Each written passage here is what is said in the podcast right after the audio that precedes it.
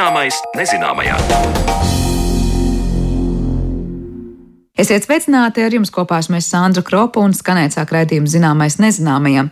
Šodien raidījumu esam veltījuši aktualitātei aizvadīto nedēļu šausminošajiem notikumiem Turcijā un Sīrijā kā dzīves pulvera mūces. Tā mēdzam teikt par cilvēku apdzīvotām vulkānu pakājiem. Arī zemestrīces ir šāda pulvera mūca, un to izpausmes, kā pagājušajā pirmdienā, pierāda, cik bīstama ir dzīve dažādās zemeslodes vietās. Raidījuma otrajā daļā pievērsīsimies šim notikumam un skaidrosim, kas īsti bija par iemeslu šādai spēcīgai zemestrīcei, bet pirms tam stāsts par vulkānisko pelnu atradumiem Latvijā. Lai arī Latvijas teritorija neatrodas vulkānu teritorijā, tomēr arī šeit var atrast senu vulkānu pelnus un nogulumus. Pirms dažiem gadiem Latvijas Universitātes Geogrāfijas un Zemezinātņu fakultātes profesors Normons Stivriņš teiču purvā uzgāja Islandes vulkāna Askja izvirduma pēdas, kas notika 1875. gadā. Kā notiek vulkānu pēdu meklēšana un apzināšana, par to ģeologu iztaujāja mana kolēģe Zane Lāce Baltalksne vulkānu pelni un nogulumi kā tādi Latvijā ir un diezgan seni. Ne visus šos vulkānu nogulumus mēs zinām, no kurienes viņi tieši ir nākuši, bet ir nojausma, ar kuriem procesiem, kurā daļā aptuveni šie vulkāni varēja atrasties. Nu, teiksim, vairāk uz rietumiem no Skandināvijas bija atsevišķi vulkāni, savu laiku ļoti senā pagātnē, kad kalni vēl veidojās un sadūrās dažādi šīs līdzsfēras plātnes. Vulkānu mūsdienu izpratnē tādu nebija Latvijas teritorijā tieši. Tā attālināti veiktā ierakstā stāsta ģeoloģijas profesors Normons Stivriņš. Latvijas teritorija ir vairāk kā divus miljardus gadus sena, bet zemes veidošanās vēsturē vienmēr ir bijusi salīdzinoši stabila, ja runājam par tektoniskajām svārstībām, un vulkāniskā aktivitāte ir notikusi ārpus mūsu teritorijas, skaidro ģeologs. Skatot dažādu laiku vulkānu izvirdumus, liecības par tiem ir atrodamas pelnos un klimata izmaiņās. Parasti pēc kāda, kā senāk teica, uguns vēmēja kalna izvirstajiem pelniem vai gāzēm un putekļu daļiņām, ir aizsekta saule, un tāpēc uz īsāku vai garāku laiku klimats top vēsāks. Bet daudz ilgstošākas liecības par tā vai cita vulkāna izvirdumu ir augstnē atrodamie vulkāniskie pelni. Un kā 2021. gadā varēja lasīt interneta portāla Delfi zinātnes sadaļā Campus, tad Normons Stivriņš citēju, teiču purvā apmēram 63 cm dziļumā atrada pelnus no vulkāna Askja izvirduma, kas notika 1875. gada 29. martā. Kā teica pētnieks, tas bijis gluži kā meklēt adatu siena kaudzē. Es Normandam vaicāju, kā varēja noteikt, ka tieši šie pelni nāk no konkrētā Islandes vulkāna. Zinātnē katrā jomā mēs esam attīstījuši kaut kādas pētnieciskās metodes, kuras mēs zinām, ka ar tām mēs sasniegsim vai atklāsim konkrētas lietas. Līdzīgi kā, teiksim, ja mēs pētām aļģes ezerā, tad mēs apzināmies, kuras metodas ir jāpielieto, lai mēs atbrīvotu to paraugu un sagatavotu paraugu, lai mēs redzētu galvenokārt tikai aļģes. Ar vulkānu pelniem ir līdzīgi, ir izstrādātas jau gadiem ilgi šīs metodes, protokoli, kā mēs varam attīrīt paraugus un kā var atrast šos vulkānu pelnus arī ļoti tālā attālumā, kā tiek uzskatīta arī Latvijas teritorija. Un to sauc par kriptotefru, jeb distālo tefru, mikrotefra, jā, dažādi šie nosaukumi. Tas nozīmē neliela izmēra mikroskopiskas pelnu daļiņas tās būtu. Ja? Un vulkāna pelniem ir zināms blīvums, zināms smagums, kuru mēs ņemam vērā, lai ar blīvuma metodēm un šķidrumiem izdabūt ārā no tās zemes, saucamās, ja, vai kaut kādiem paraugiem tieši vulkāna pelnus. Pēc tam šie vulkāna pelni viņi tā kā peld vai nogrimst konkrētajās stūbiņās, un tad mēs viņus attīrām, ņemam ārā ar roku, ar sīku tādu pincetīti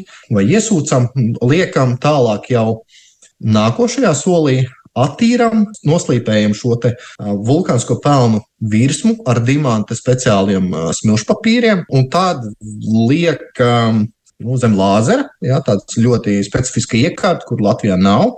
Tāda ir atrodama. Es, es katrā gadījumā to devos uz Vāciju, uz laboratoriju speciāli, lai veiktu šīs analīzes, kuras laikā tiek noskaidroti primārie šie ķīmiskie elementi un arī sekundārie. Ko tas nozīmē? Katram vulkānam, vulkāna sistēmai ir savi raksturīgie šie ķīmiskie, geoķīmiskie, šis sastāvs raksturīgs. Un, ja mēs zinām šo lokālo ķīmisko sastāvu no konkrētiem vulkāna izvirdumiem, tad varu salīdzināt šo oriģinālo ķīmisko sastāvu ar tiem rezultātiem, ko es esmu ieguvis. Un ir uh, vesela tāda speciāla datu bāze, pret kuru mēs varam salīdzināt. Paskatāmies, vai sakrīt šie rezultāti ar šo ķīmisko spektru. Ja, un tad, ja sakrīt, tad mēs varam apgalvot, jā, tad šie vulkāni pelni nāk no tā konkrētā vulkāna sistēmas vai vulkāna izvirduma, un laiku arī var noteikt. Nevienmēr, bet mēs varam noteikt, jo ir bijuši pētījumi tuvāk šiem oriģināliem vulkāniem, kur speciāli zinātnieki mēģina chronoloģiskā secībā no senākiem līdz jaunākajiem sagrupēt, salikt pēc kārtas šos vulkānu izvirdumus. Un tieši tādēļ arī ņemot vērā, kad notika šādi spēcīgākie vulkānu izvirdumi, es par to interesējos un apzināti meklēju tieši Askja 1875. gada vulkāna izvirdumu, jo zināja, ka tas izvirda ārā atmosfērā vulkāna pelnu daļītes. Jo ne visi vulkāna izvirdumi izdala šīs daļiņas. Pirms viena gadsimta ātrāk, 1700, kurš tas bija 82. ja es pareizi atminos, bija Laki vulkāna izvirdums, kurš izvirda nevis vulkāna pelnu daļiņas, bet tieši gāzes.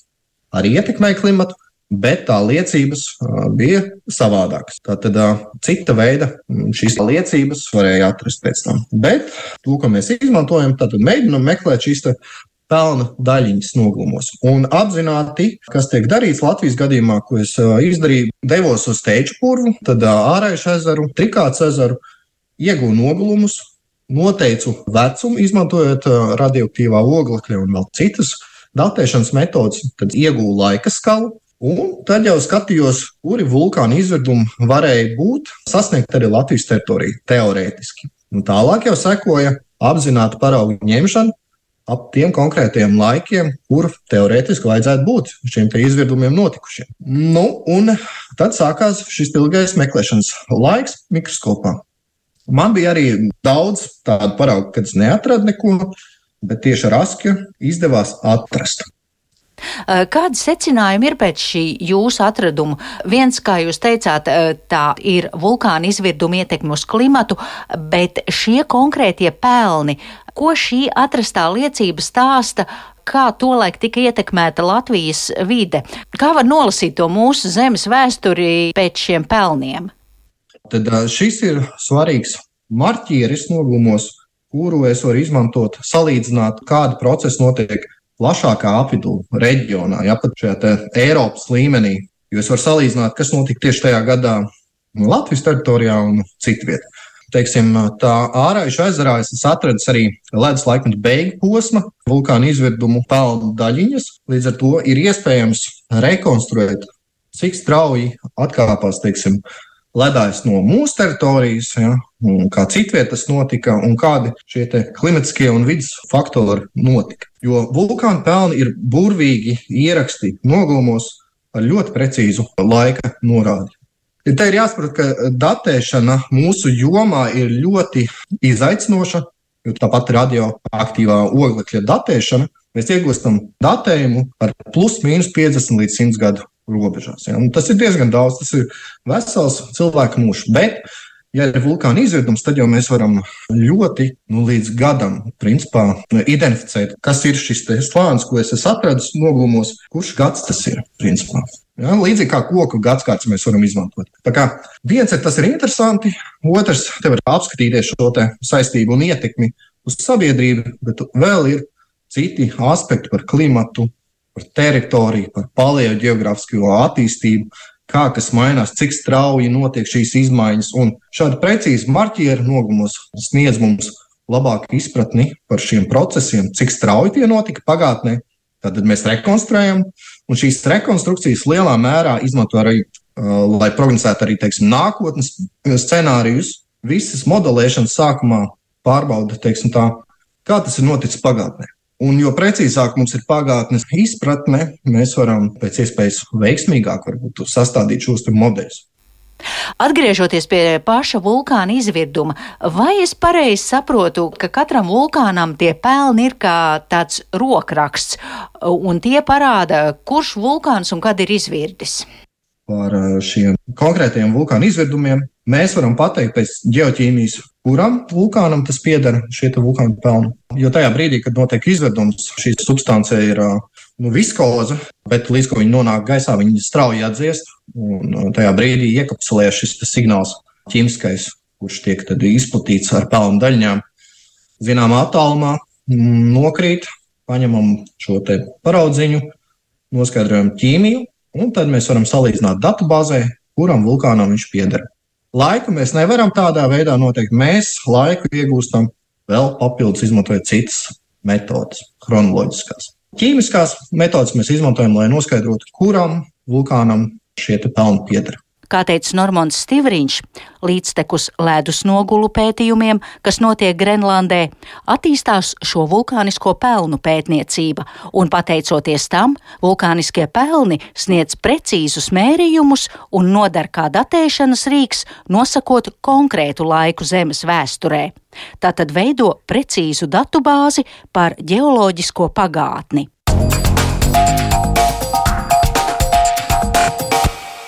Paldies Zanē Lācē Baltalksnē par sagatavoto stāstu. Dzirdējām sižetu par vulkāniem un to neparasto rokrakstu pelniem, bet raidījuma turpinājumā zemestrīču anatomija.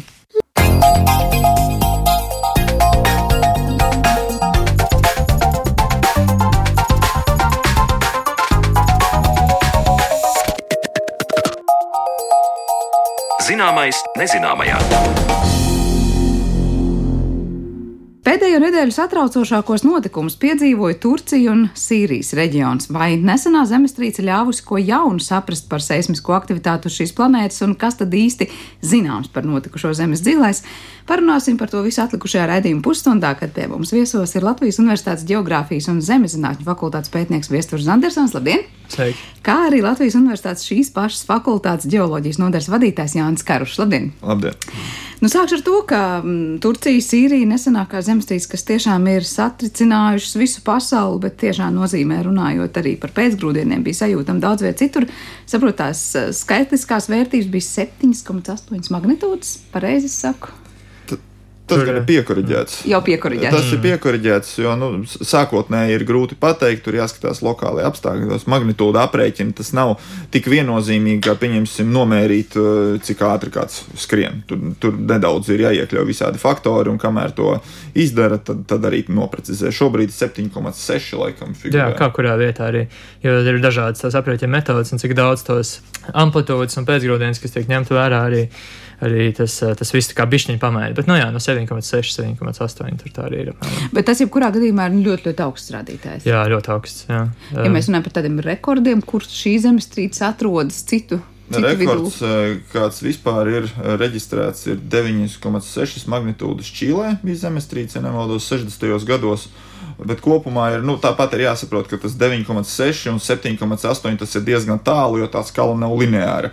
Tas nenozīmē, ka tas ir turpat, turpat ir tas rekords. Ir. Bet jebkurā gadījumā šī zemestrīce ir spēcīga, un ja mēs skatāmies to statistiku, kas ir Turcijā, tas noticis kopš 60. gadiem, nu reizi desmit gadē vidēji ir vairāk par 6,5 magnitūdām tās zemestrīces, kas tur notiek.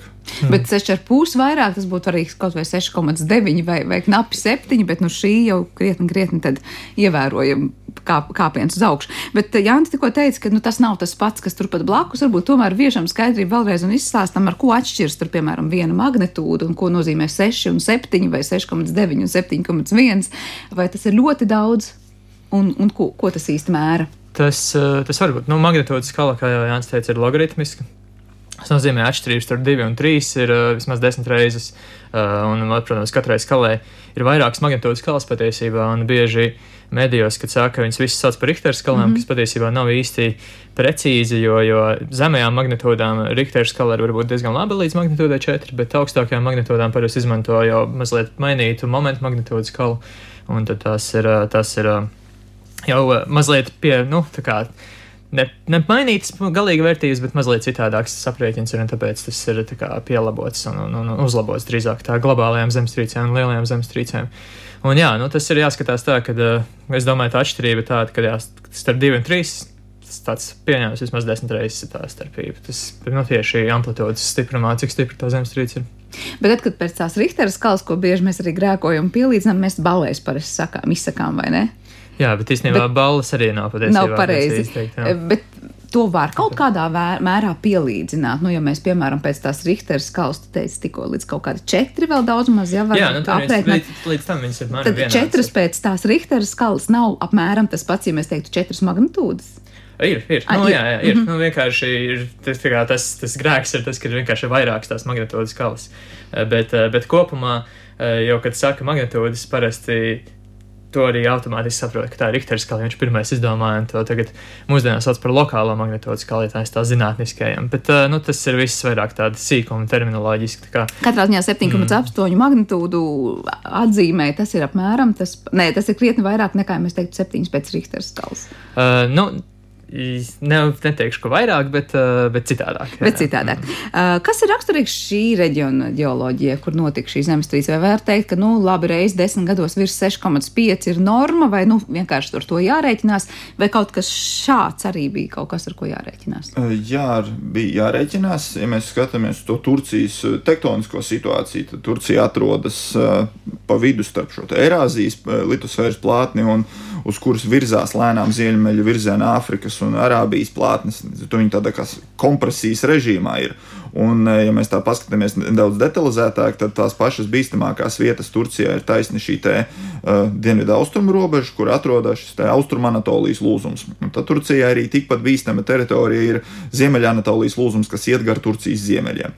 Tad šīs, šie abi divi transformē lūzumi. Tas nozīmē, ka tā kustība notiek e, horizontāli, paralēli uh, zemes virsmai. Un eh, skatoties uz Eiropas zemestrīču riska karti, kas ir sastādīta ņemot vērā vēsturiskos datus, tad šie te, teritorija ap šiem diviem lūzumiem ir eh, bīstamākās vietas Eiropā kopumā. Tāpēc tas, ka taisni tur notika šāda zemestrīce, nav pārlieku liels pārsteigums. Protams, viņa ir salīdzinoši liela priekš šādas situācijas, bet tas nav pārsteigums. Bet Turcija, kas ir rietumu krastā, piemēram, var teikt, atro, atrodas tik ļoti tuvu šai teritorijai, ka te arī vienmēr ir jārēķinās ar ļoti dažādām sekām, vai pati Turcija ir pietiekoši liela, lai iedzīvotāji varētu teikt, nu, tie, kas ir rietumos, salīdzinoši mierīgi dzīvo, salīdzinot ar tiem, kas ir austrumos. Tīri teorētiski, tie, kas ir rietumos, viņiem arī var izjust ļoti daudz dažādas zemestrīces, jo šis viss reģions, Turcija, Grieķija, Itālija, tur ir ļoti daudz dažādu lūzumu saistībā ar šīm lielajām tektoniskajām kustībām, un ar katru no viņiem var notikt kaut kāda lieluma zemestrīce. Par tik lielas, ja mēs skatāmies tā vēsturiski, gan klasiski notiek tikai gar šiem diviem lūzumiem Anatolijas. Tāpēc Rietumturcijā varbūt tā situācija nav tik. Bīstama. Lai arī atrodas geogrāfiski salīdzinoši tuvu. Uh, bija kas piebilstams par to, kādas ir šīs geoloģijas īpatnības konkrētajā reģionā? Ah, ne, tas ir uh, interesants fakts vienkārši par zemes, šo zemestrīci tikko šorīt izlasīt. Tas ir Austrum Anatolijas lūzumam, kurš uh, it kā arī ir tikpat seismoloģiski aktīvs kā uh, otrs lūzums, ko Jānis minēja. Tad, uh, Viņam uh, arī ir šīs lielās zemestrīces fiksētas, taču šāds notikums, uh, kur būtu šādas magnitūdas zemestrīces nav fiksēta kopš 1800. gadiem vispār. Un tāpēc tas arī nevar būt nācis kā neliels pārsteigums, ka tik liela magnitūda bija šai zemestrīcei, kas arī nepalīdzēja, protams, pēc tam seku, seku novēršanā. Par sakām ar tūdaļ parunāsim vēl par to dziļumu, kādā notiek šīs zemestrīces. Es saprotu, šī bija 18 km dziļi. Ap, aptuveni, aptuveni, manuprāt, jā. 18 bija. Un tā kopumā, globāli skatoties, tā skaitās pietiekoši sekla zemestrīce. Mm. Jo zemestrīces vispār dziļākais var notikt pat 600 km dziļumā. Tas ir tur, kur mums šī okeāniskā litosfēras plātne subducējas un grimst mantijā, un tās pēdējās dziļākās ir ap 600 km. Bet tas ir ļoti specifiski. Pieņemsim, pie Japānas tādas var notikt, vai pie Čīles, un tur tās ir tās spēcīgākās pie šādām subdukcijas zonām. Bet, eh, kā jau minēju, Turcijā mums tas transformais lūzums, un tas priekš re, rezultātā ir likumsakarīgi, ka viņi nav tik dziļi.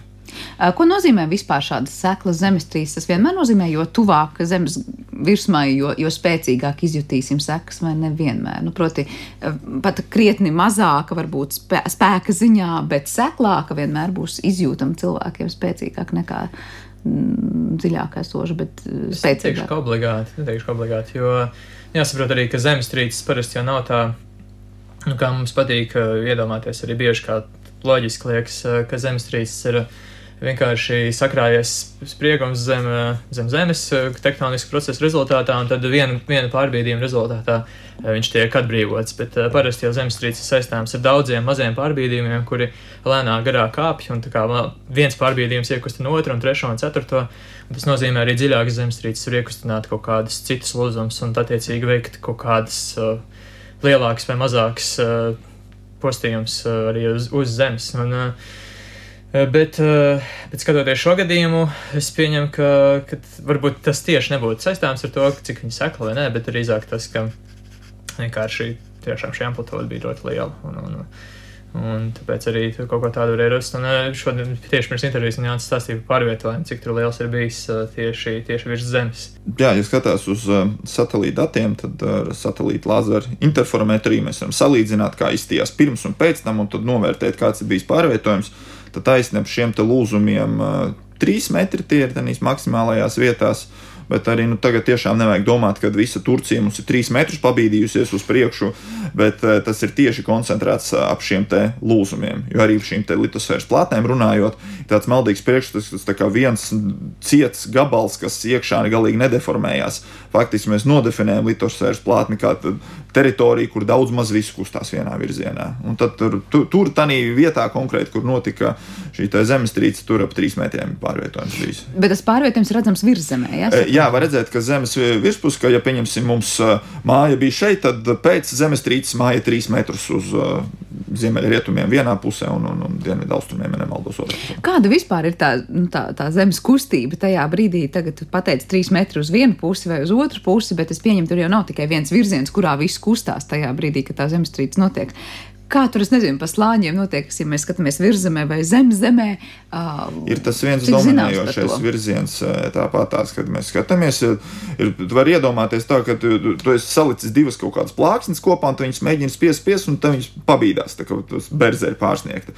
Aptuveni tā arī zemestrīce notiek, un ir kaut kāds tas dominējošais virziens, kurā tas pārbīdījums notiek. Protams, tur bišķiņ kaut kas vēl tur pakustās, bet arī skatoties uz tiem seismiskajiem signāliem, mēs redzam dažādās stacijās. No, teikt, dažādos virzienos no šīs zemestrīces hipocentra. Tad mēs varam pateikt, kāds bija tas dominējošais pārvietojuma virziens. Tātad ir viens, vien, eh, nu, var teikt, tiešām dominējošais un kaut kādi kaut citi, kas, kas vēl mazliet jā, kustās jā. klāt. Bet cik tālu ir jūtamas šīs te, nu, vispār pārveidojuma sekas, jo es saprotu, ka nu, ļoti tālu bija arī fiksēti dažādi, vai ne?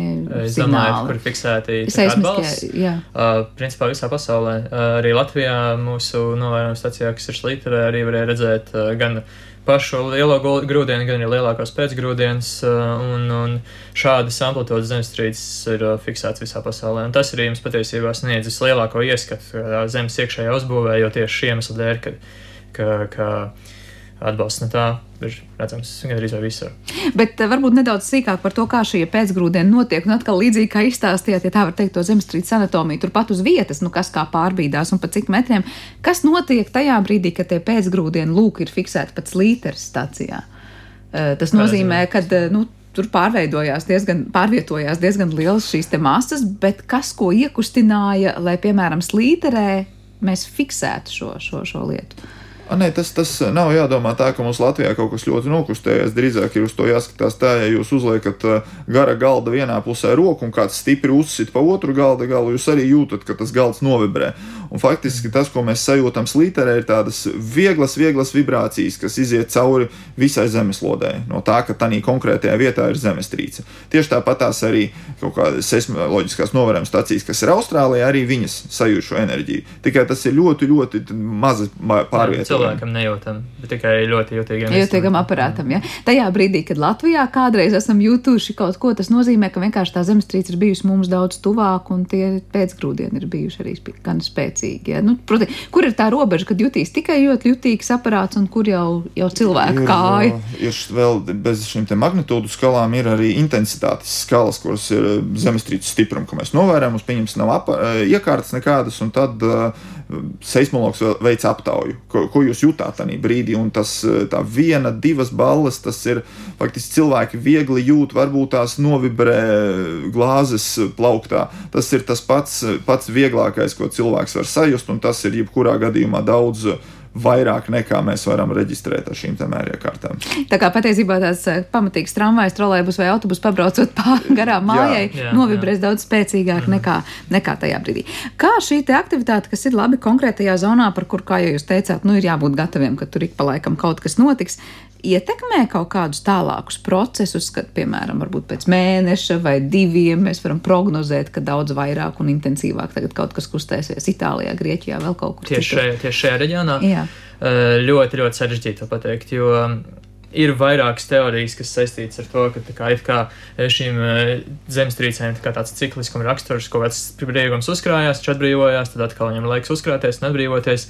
Un tas bieži vien strādā kaut kādos, varbūt, ja mēs apskatām individuālus atsevišķus lūzumus, bet, nu, jāsaprot, ka Zeme ir kompleksa sistēma, tur viss miedarbojās viens ar otru. Un, Un arī lūzums savā starpā, un arī šis spriegums, kas uh, no zemes iekšienes nāk, tāpēc uh, ir ļoti grūti pateikt, vai tiešām tas, ka tikko bija liela zemestrīce, tas nenozīmē, ka arī tūlīt pēc mēneša vai gadiem nebūs tikpat liela zemestrīce. Uh, un arī tas ir atkarīgs no atsevišķām vietām pasaulē, un, bet, uh, bet tā precīzi to izpētīs, diemžēl, vēl nav neviens. Par to prognozēšanu mēs bieži arī šajos raidījumos runājam un sakām, nu, ir ļoti, ļoti grūti vispār, lai, lai kā attīstītos mums dažādas tehnoloģijas, tās prognozes veikt. Un tomēr, kas ir tas, kas mūsdienās palīdz? Un Tas ir tie dati, kas palīdz veikt kaut kādu daudz maz nezinu, precīzāku modeli vai prognozi veidot tam, kas konkrētam reģionam būtu sagaidāms, un vai tiešām nu, cik ļoti pirms mēs varam kaut cik gatavoties. Galvenie dati, kas tiek izmantot, lai prognozētu, būs vai nebūs zemestrīce, principā ir statistikā balstīta. Mēs vēsturiski zinām, kas ir noticis šajā reģionā, un tad mēs aprēķinām, kāds ir seismiskais risks kaut kādā konkrētā teritorijā. Un tā pieņemsim arī šajā te reģionā, Turcijā. Mēs skatoties uz tām riska kartēm, un, un viss bija skaidrs, ka, pieņemsim, nu, reizi desmit gados kaut kam tādam vajadzētu notikt. Bet uh, tas būs šodien vai pēc gada, kā jau teica Viesturs, to pateikt ir praktiski neiespējami.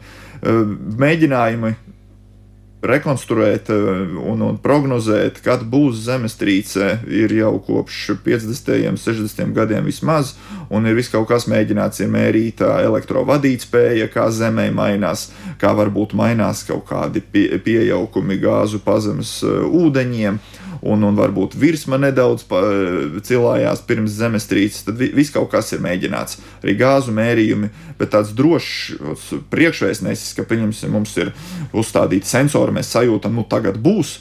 Tā, tā mēs īsti neesam šodien līdz tam tikuši. Var teikt, ka zemestrīce ir vēl grūtāk prognozēt kā vulkāna izvirdums, vai tas ir trūkums? Vulkāna izvirdums, nav no, tā precīzi arī ir ļoti grūti prognozēt, bet viņiem ir varbūt pat biežāk ir kaut kāda priekšnieseša, tās pašas zemestrīces, kuras var izmantot, kad, eh, vai virsmas pārvietojums, kas eh, bieži ir pirms vulkāna izvirdojumiem, teiksim, bet, bet zemestrīcēm tā problēma ir tāda, ka pirms dažām zemestrīcēm šie, šie notikumi ir fiksēti, teiksim, kaut kāds virsmas pārvietojums, vai ir redzams, ka, teiksim, kaut kāds spriegums ir sakrājies, nu, no, tiem, no šiem pašiem satelītu novērojumiem, vai ir kaut kāds mazāks zemestrīces, kas varbūt arī varētu liecināt par kaut ko tādu, kas uh, būs kaut kāds lielāks grūdienis kaut kad vēlāk. Bet, uh, Tā problēma ir tāda, ka dažreiz viņi ir novērojami, un dažreiz citos gadījumos pilnīgi tās zemestrīces ne no kurienes parādās, lai nu, ir kā bez nekādiem iepriekšējiem faktoriem. Kā bija šai zemestrīcei, ir zināms par to, vai pirms tam bija kaut kādas mazākas vai kaut kādi citi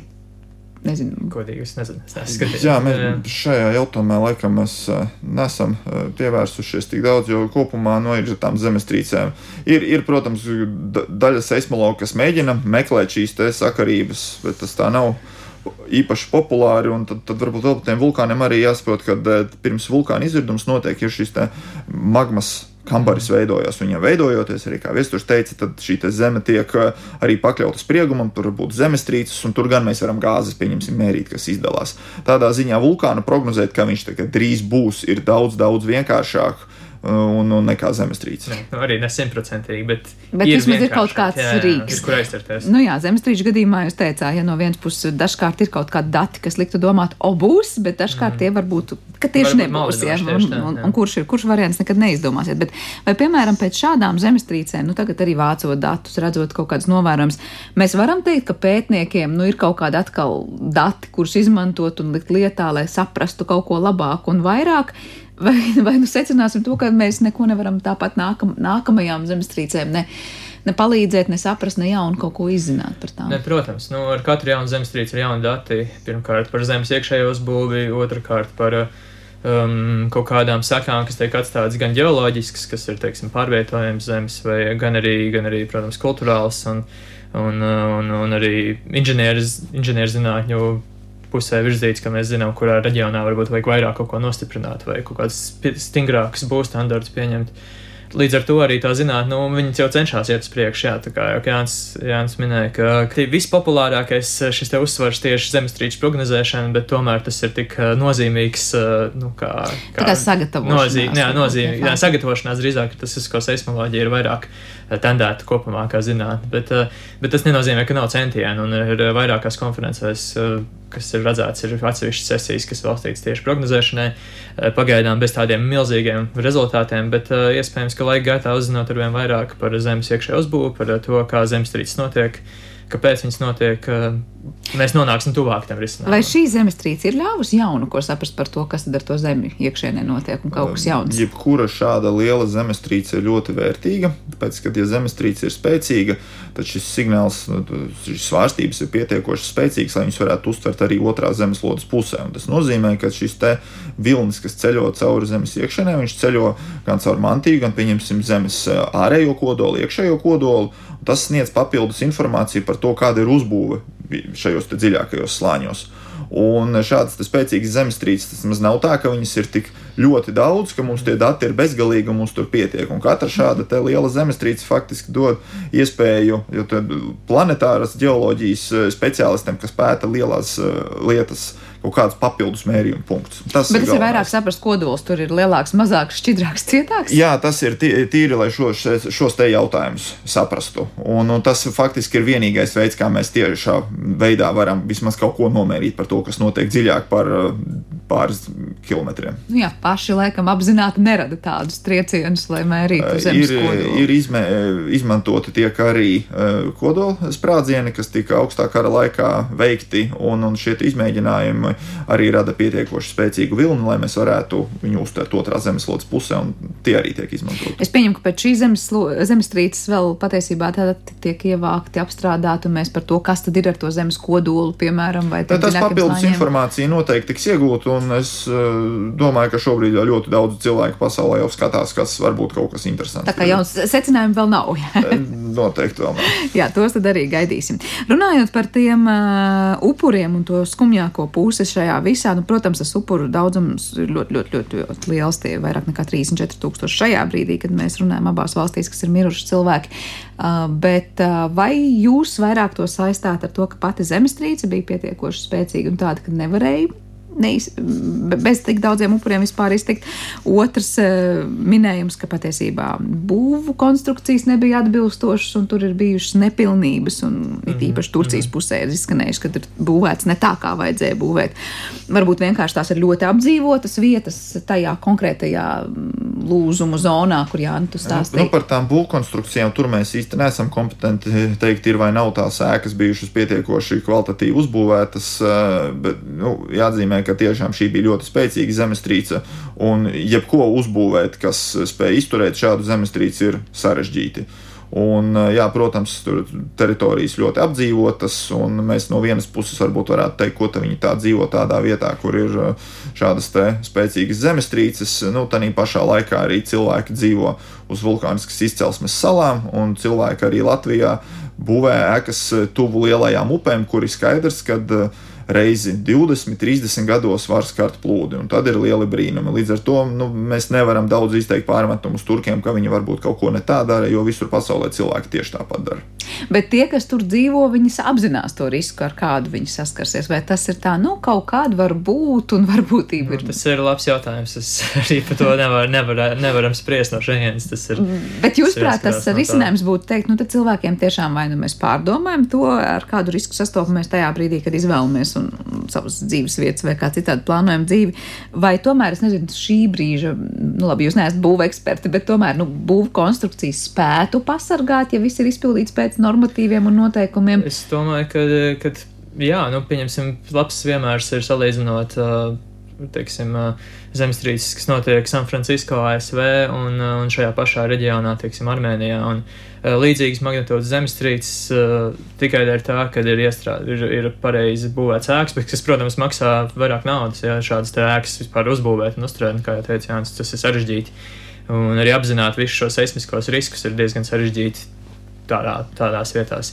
Uh, bet tās noved pie mazāk bojāgājušo skaitu nekā salīdzinot dažādas, dažādas pasaules vietas. Liekas, kādai ir jābūt būvē, lai tā izturētu to, ka pa trim metriem visa zeme pabīdās. No, jā, nu jā, tas, nu, tas, tas ir, protams, gandrīz neviena būva neizturēs, bet iespējams viņas uh, nesabruks uzreiz, vai šīs pamatkonstrukcijas nesabruks, un tas nozīmē, ka cilvēki būs spējīgi tikt ārā pirms ir pārāk liels. Uh, liels postījums nodarīts būvē. Tas jau vien var izglābt dzīvības. Jā, būs kas piebilstams pie tā, kā cilvēks sev var preventīvi vai nevar sev preventīvi. Vienkārši ir jārēķinās ar to, ka tu kaut kur dzīvo.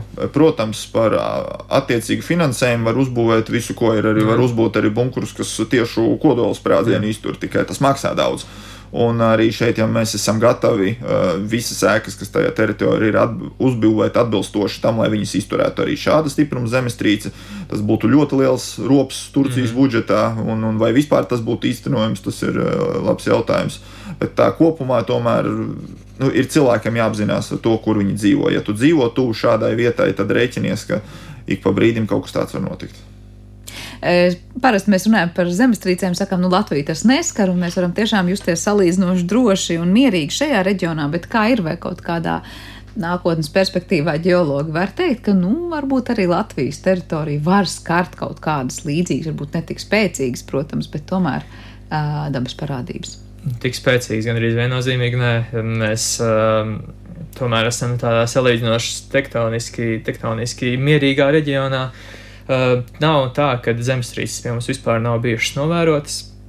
Uh, piemērs, uh, um, kaut vai tās pašas 2004. gada Kaļiņģeradas zemestrīces, vai arī pirms tam agrāk, 70. gados, kas bija novērojams Igaunijā, ir Osmasāras zemestrīce. Šīm zemestrīcēm gan magnitūdas nebija tik lielas, noteikti. Es nemaldos, Osmasāras, es neatceros precīzi, cik bija. Kaļiņģeradā bija 5,5 jā, jā, jā, jā.